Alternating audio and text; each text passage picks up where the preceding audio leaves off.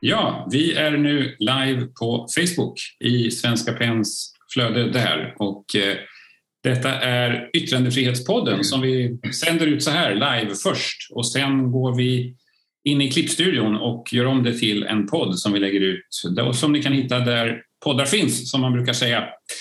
Eh, idag ska vi prata om ett ämne som vi faktiskt har funderat på ett tag när vi har pratat om det inom Svenska PEN.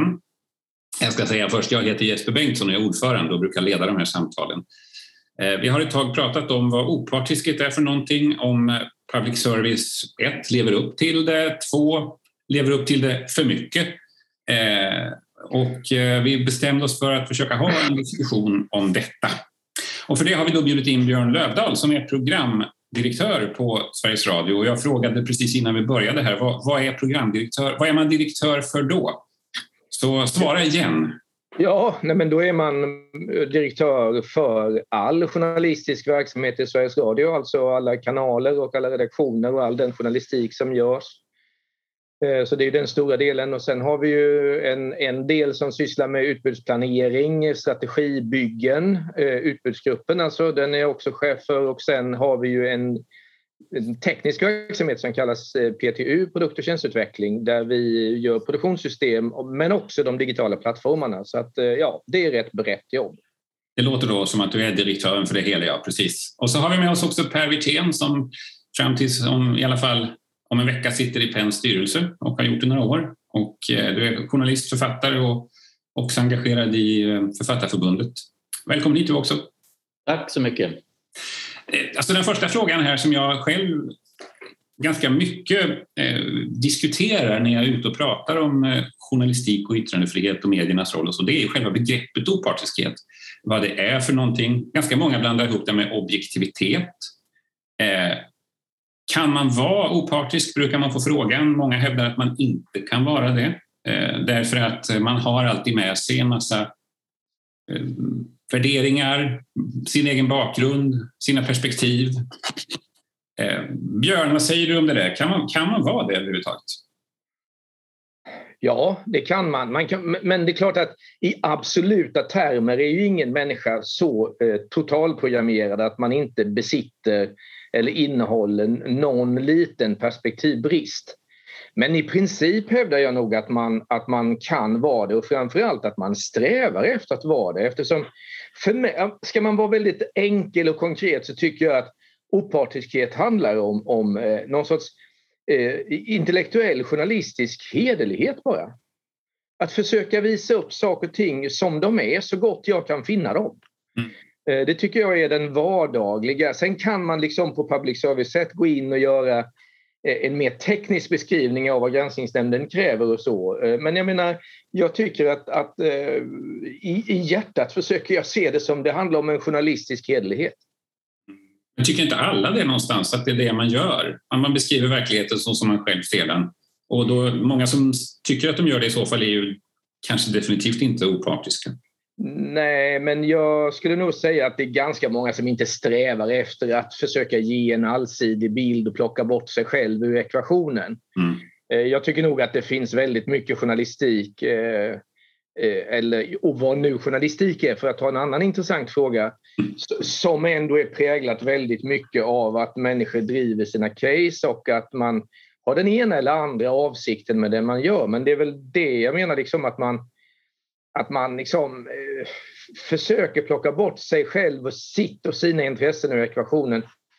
Och jag menar, jag menar tekniskt sett, en kritiserad part ska få bemöta om den blir kritiserad. Det är ju en mer teknisk grej. Mm. Eh, man får inte ta ställning själv i, i vissa ämnen. Man bör inte ta ställning själv därför att då har man liksom låst in sig i ett fack eh, och liksom sen försöka belysa saker och ting så allsidigt som det bara går. Sen Sen, det är klart att det finns imperfektioner i det som jag i varje ögonblick uppfattar vad som går att belysa.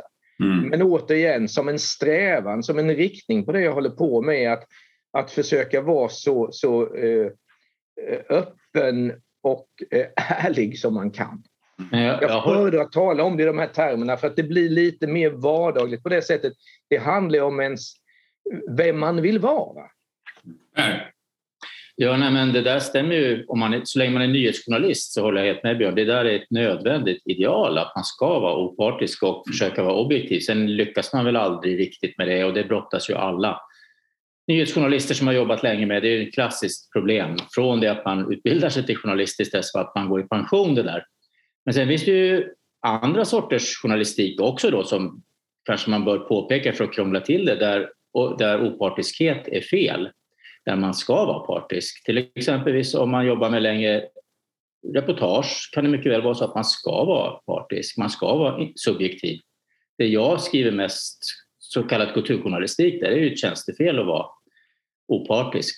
Där är det ju min, där är det min personliga röst som räknas. Så, att säga. så det, är olika, det finns olika typer av journalistik, men när det gäller nyhetsjournalistiken då håller jag helt med. Ja, det är absolut nödvändigt. Det är en hed, hed, hederlighetsfråga. Men ni strävar efter opartiskhet i alla delar, Björn, eller hur? Inte, ni gör ingen sån skillnad som Per drar upp här nu? Nej, det gör vi inte. Utan vi, vi strävar ju efter att ha det i allt. Sen, sen finns det naturligtvis det finns ju undantag. Eh, sen, alltså, den berömda demokratiparagrafen som alltid diskuteras när man pratar om public service, som ju säger egentligen att om någon person uttrycker sig, och jag säger antimänskligt och antidemokratiskt, så behöver vi inte vara opartiska. Då ska vi säga att det där är inte okej, okay, eller om man kan eh, linda in motargumentet i en smartare fråga så blir det lite snyggare när man gör det. Men, men på den punkten så eh, det, det, det är ju vårt undantag. Eh, och antihumanistiskt med det menar jag ju alla de här diskrimineringsgrunderna och allt det där. Men det, det mm. känner ni till, tänker jag. Att att man, att man då ska ta ställning för, för människorätt och demokrati och det, det liksom parlamentariska systemet och så.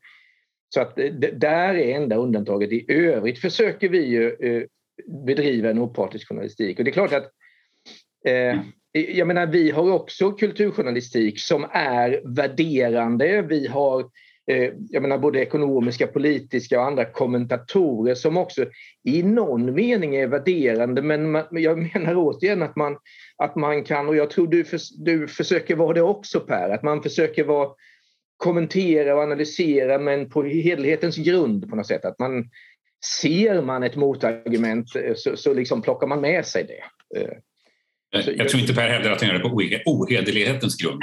Det tror jag inte. Nej, men det, finns en, det finns en viktig skillnad där. Man skriver, men jag tycker inte det är det som egentligen är det, är det, är det viktiga. Utan det som jag tänkt mycket på med just public service på senare år och Sveriges Radio, kanske i synnerhet för jag lyssnar så oerhört mycket på Sveriges Radio hela tiden. Och jag medverkade ju länge också i, då och då i, i radion.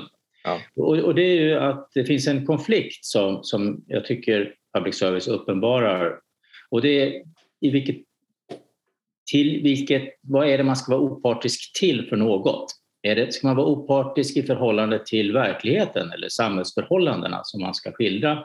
Eller ska man vara opartisk i förhållande till debatten? Alltså den politiska debatten eller debatten mellan olika parter på arbetsmarknaden.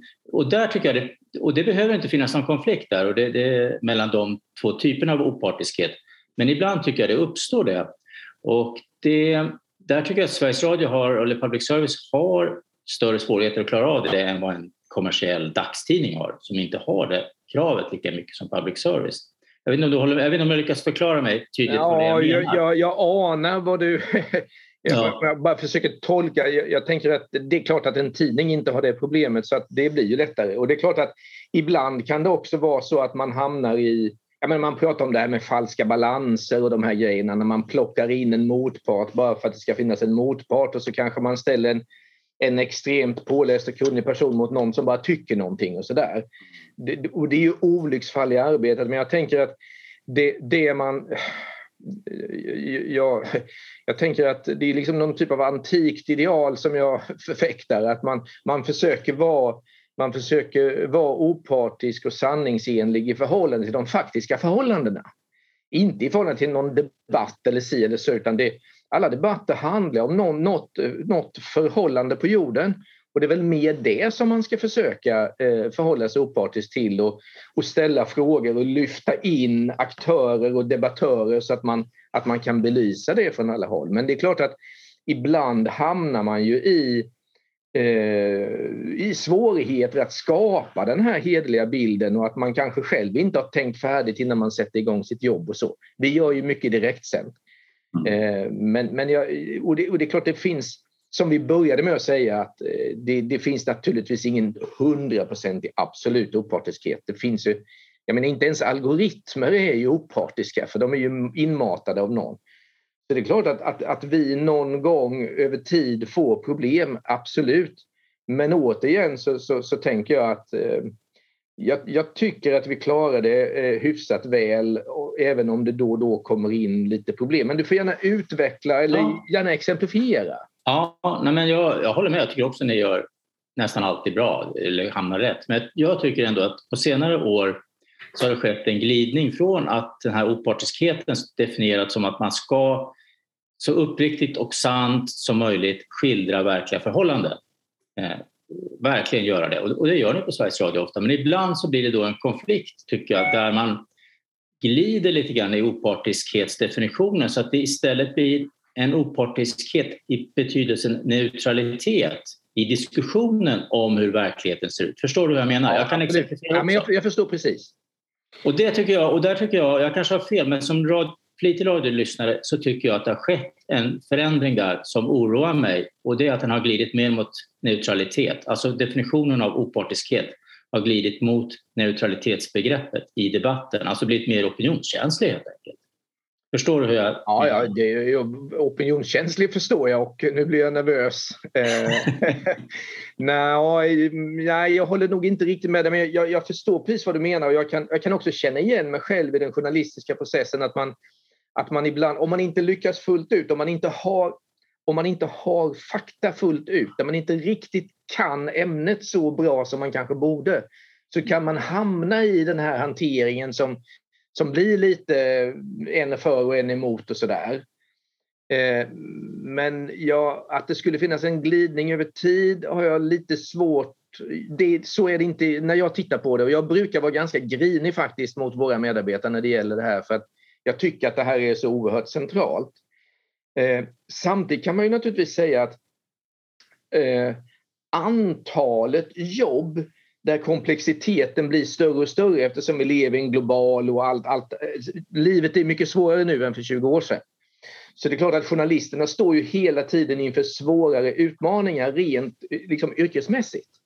Och det kan vara det du hör. Nu eh, kanske jag lyssnar ännu mycket mer så att jag inte riktigt hör det. Men, men, men, men det, det är en sak som, som vi diskuterar mycket och, och funderar över hur man klarar av att rent eh, att, att, att liksom vara så påläst att man mm. klarar av alla de här nu extremt globala komplexa sambanden som finns i vår värld, ekonomiskt, politiskt, teknologiskt. Men jag, jag, jag kan ju nämna ett exempel, du ville mm. ha ett exempel. Och det, ja. var ett exempel och det är länge sedan nu, men det var ett, ett, som fick mig att börja tänka på det här. Och därför kan jag ju dra ett exempel, jag var själv inblandad. Och det var i förra valrörelsen för fyra år sedan. Ja. Och jag har skrivit om det också. Så, men, men då lanserade ju Sverigedemokraterna en lång valkampanjfilm som jag tror var en och en halv timme, en lång dokumentär eller en propagandafilm. Det var ingen dokumentär, det var en propagandafilm om Sveriges historia. Det handlade om andra världskriget, det handlade om tvångssteriliseringarna, Rasbiologiska institutet och sådär. Och den var ju... Jag skrev om den direkt i en kort kommentar i Expressen och den var ju full av felaktigheter och det var, det, det var en vandring i gråzonen mellan verklighetsförfalskning och verklighet kan man säga.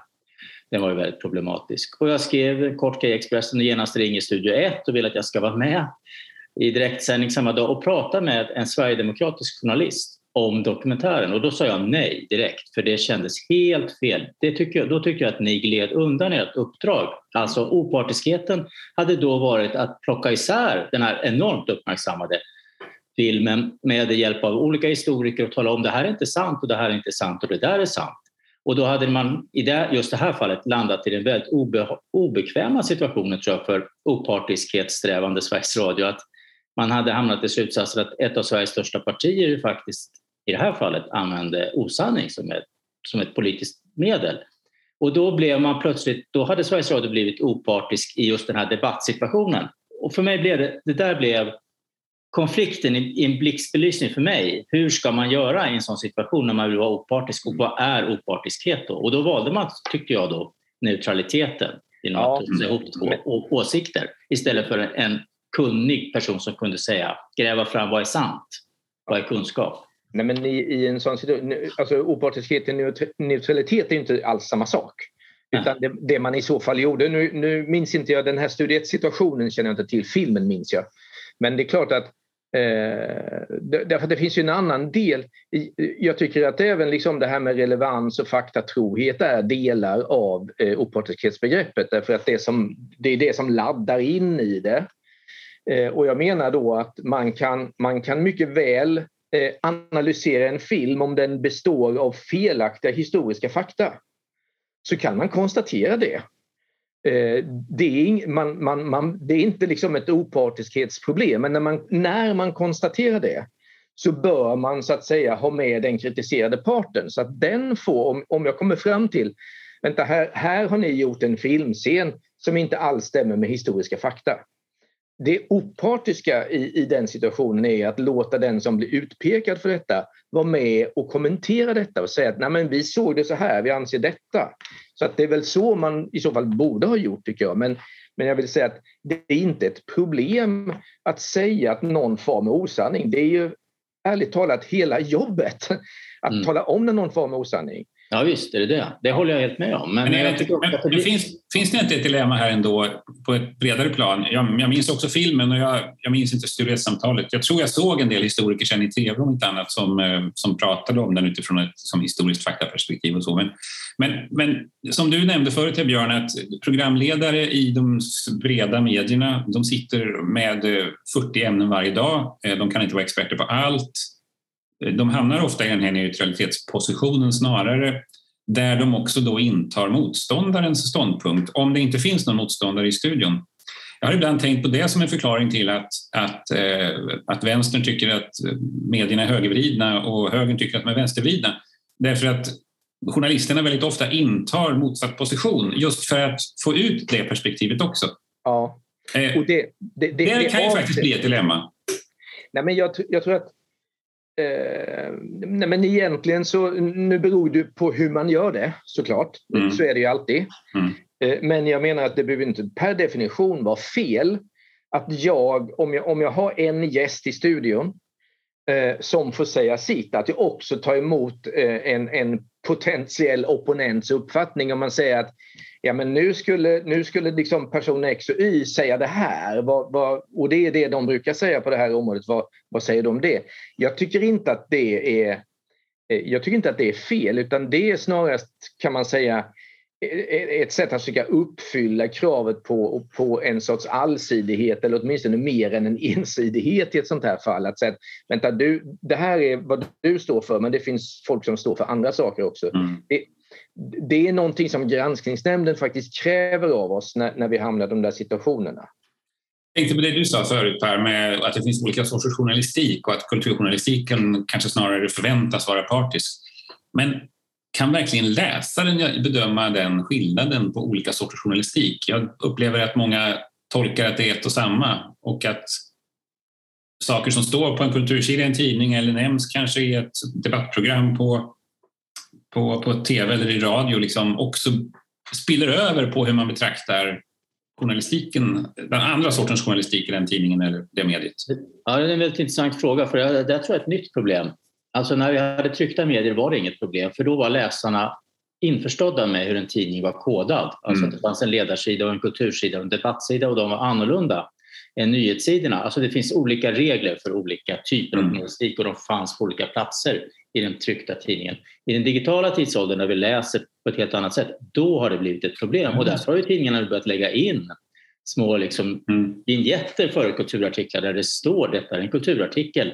Det är, det är skribentens egen åsikt som uttrycks. Mm. Så det har blivit ett problem att man inte kan skilja på det. Men det gör ju att fortfarande kvarstår ju den viktiga skillnaden. Man läser en kultursida därför att det är subjektiva ställningstaganden och ståndpunkter om allt från en dansföreställning till politiken och, och de globala förhållandena mm. på den kultursidan. Mm. Så det är en jättestor... Och där tycker jag också Sveriges Radio har börjat få problem med. Jag tänkte också på det på kulturredaktionen och kulturmaterialet där det fanns tidigare en, en mycket mer likhet med de tryckta tidningarna, alltså att det fanns medarbetare som verkligen hade, hade synsätt och drev personliga analyser, hade personliga röster och förhållningssätt till olika problem och fenomen.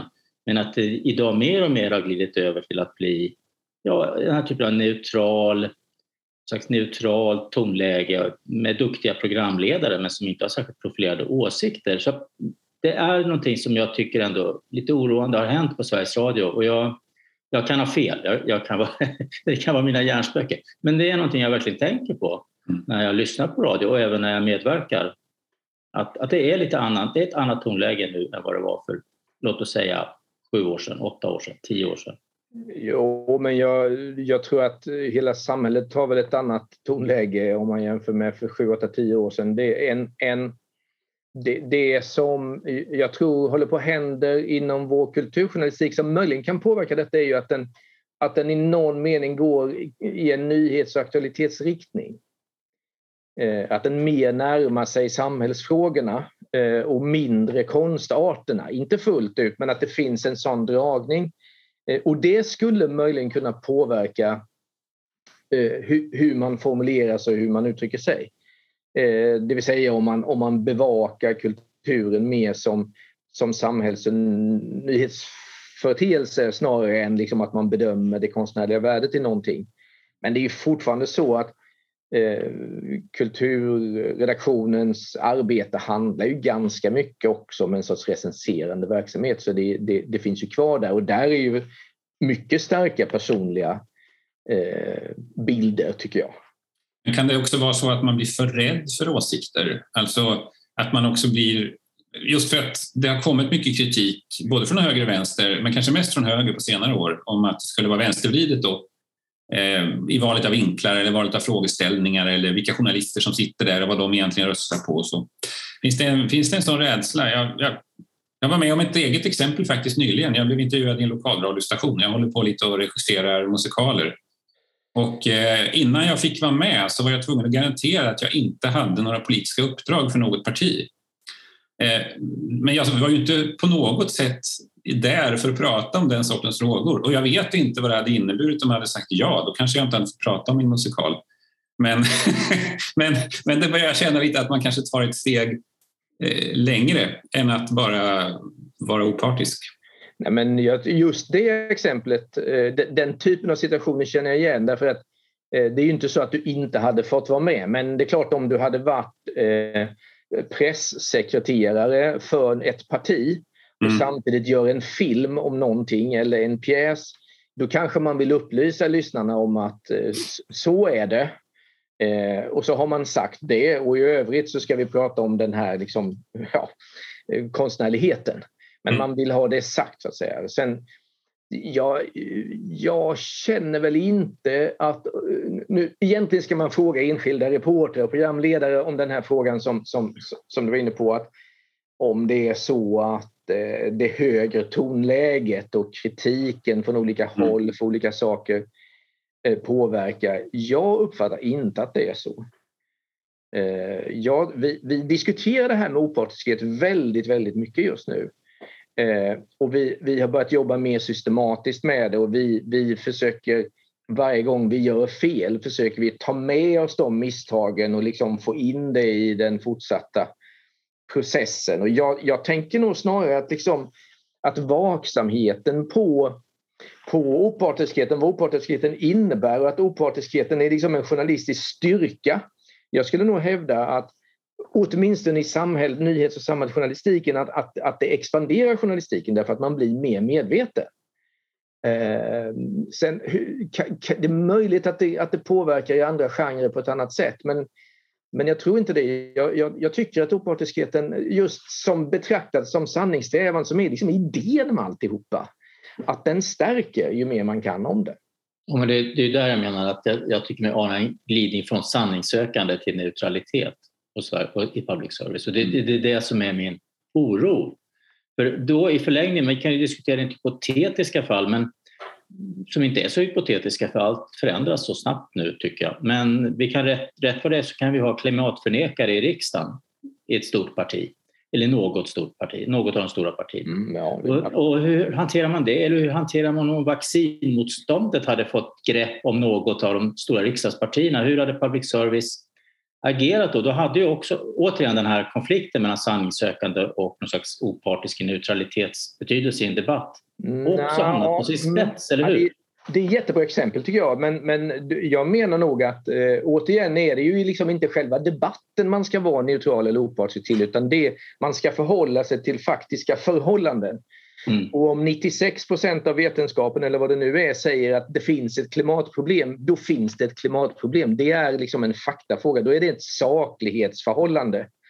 Eh, och, och, det är samma sak med vaccinet. Det, det, det finns ju liksom vad vi betraktar som så goda belägg för det att man kan säga att, att en vaccinmotståndare faktiskt inte riktigt uppskattar vaccinets verkningar. Det är fel. Eh, så att där kommer inte vi, eh, när det gäller de exemplen i vart fall, att, att, att vara neutrala. Mm. Jag skulle nog vilja lyfta upp en fråga till där vi nog har varit helt överens också, som jag själv brukar prata ganska mycket om och det är just värdet av att försöka vara opartisk. Eh, därför att det är ju väldigt, ja, det finns ju en stark tendens i hela samhället att människor uppfattar att det inte går att vara opartisk och att journalister som säger att de är det egentligen har en egen agenda. Den, den trenden är ju otroligt stark eh, och, och, det kan användas i väldigt icke-demokratiska sammanhang också. Att du, ser man ut i världen så är det ju precis det som är argumentet mot eh, oberoende journalistik i Ryssland eller oberoende journalistik i Hongkong eller vart det kan vara någonstans. Att de egentligen är västagenter eller de egentligen har, ja, allt det där. Eh, så det tror jag någonstans kan vara ett eh, liksom starkt värde att föra debatten på båda sätt. För man måste också problematisera opartiskheten som, som vi har gjort i det här samtalet. Och men värna liksom att ja, men journalisters strävan har något, har något gott med sig. och sen kan man diskutera om det lyckas eller inte och, och liksom vad som ska ligga i opartiskheten också. Ja, och, och jag tänker också att man, det, det, att man i ett samhälle också ser att eh, eftersom det journalistiska jobbet blir ju svårare hela tiden för att det är många fler faktorer som måste vägas in i varje enskild sekund så är det ju oerhört viktigt att, precis som du säger Jesper, att, att, att det finns några som faktiskt värnar detta, har kapacitet, resurser och kompetens att göra det, för det blir svårare och svårare. Så, så liksom journalistiken och då opartiskheten som jag tycker är synonymer är ju en otroligt viktig tillgång i ett samhälle. Eh, och, och, man ska problematisera det, för det är svårt och problematiskt men, men liksom det, det kräver sina män och kvinnor och det kräver mer och mer. Ja, för det handlar om, man, och just för att man ska problematisera det så handlar det också om att de flesta nog uppfattar att de är opartiska. Jag tror att de som, de som skriver på nyheter idag eller vad de heter och de här olika högerextrema sajterna också anser att de är opartiska och bara förmedlar sanningen. Så att det är ju inte alldeles enkelt vad som, vad som ska inkluderas i det. Nej, det, det, är inte enkelt. Det kan jag absolut hålla med om.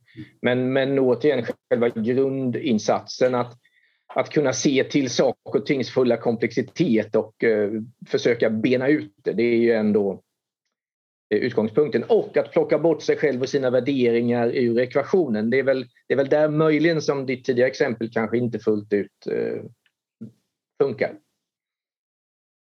Nej, men också det, det man brukar kritisera är också valet av vinklar. Och där finns det ju så att säga en möjlighet att plocka in sina värderingar men ändå göra det på ett opartiskt sätt. Ja. Det är klart att det gör journalister alltid.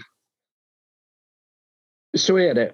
Så är det. Eh, jag menar både ämnesval och vinkel är ja. naturligtvis ett uttryck för ett speciellt intresse i detta. Mm. Eh, annars så skulle ju allting falla platt till marken och bli helt ointressant. Men det mm. gäller ju att även när man gör det att ha den här idén om att man faktiskt ska visa upp det som det är. Mm. Eh, och att inte förenkla och vinkla det och utesluta saker så det blir aptitligt men entydigt och ensidigt. Utan våga komplicera. Tack! Eh, vår halvtimme har gått. Per, vill du säga något avslutande?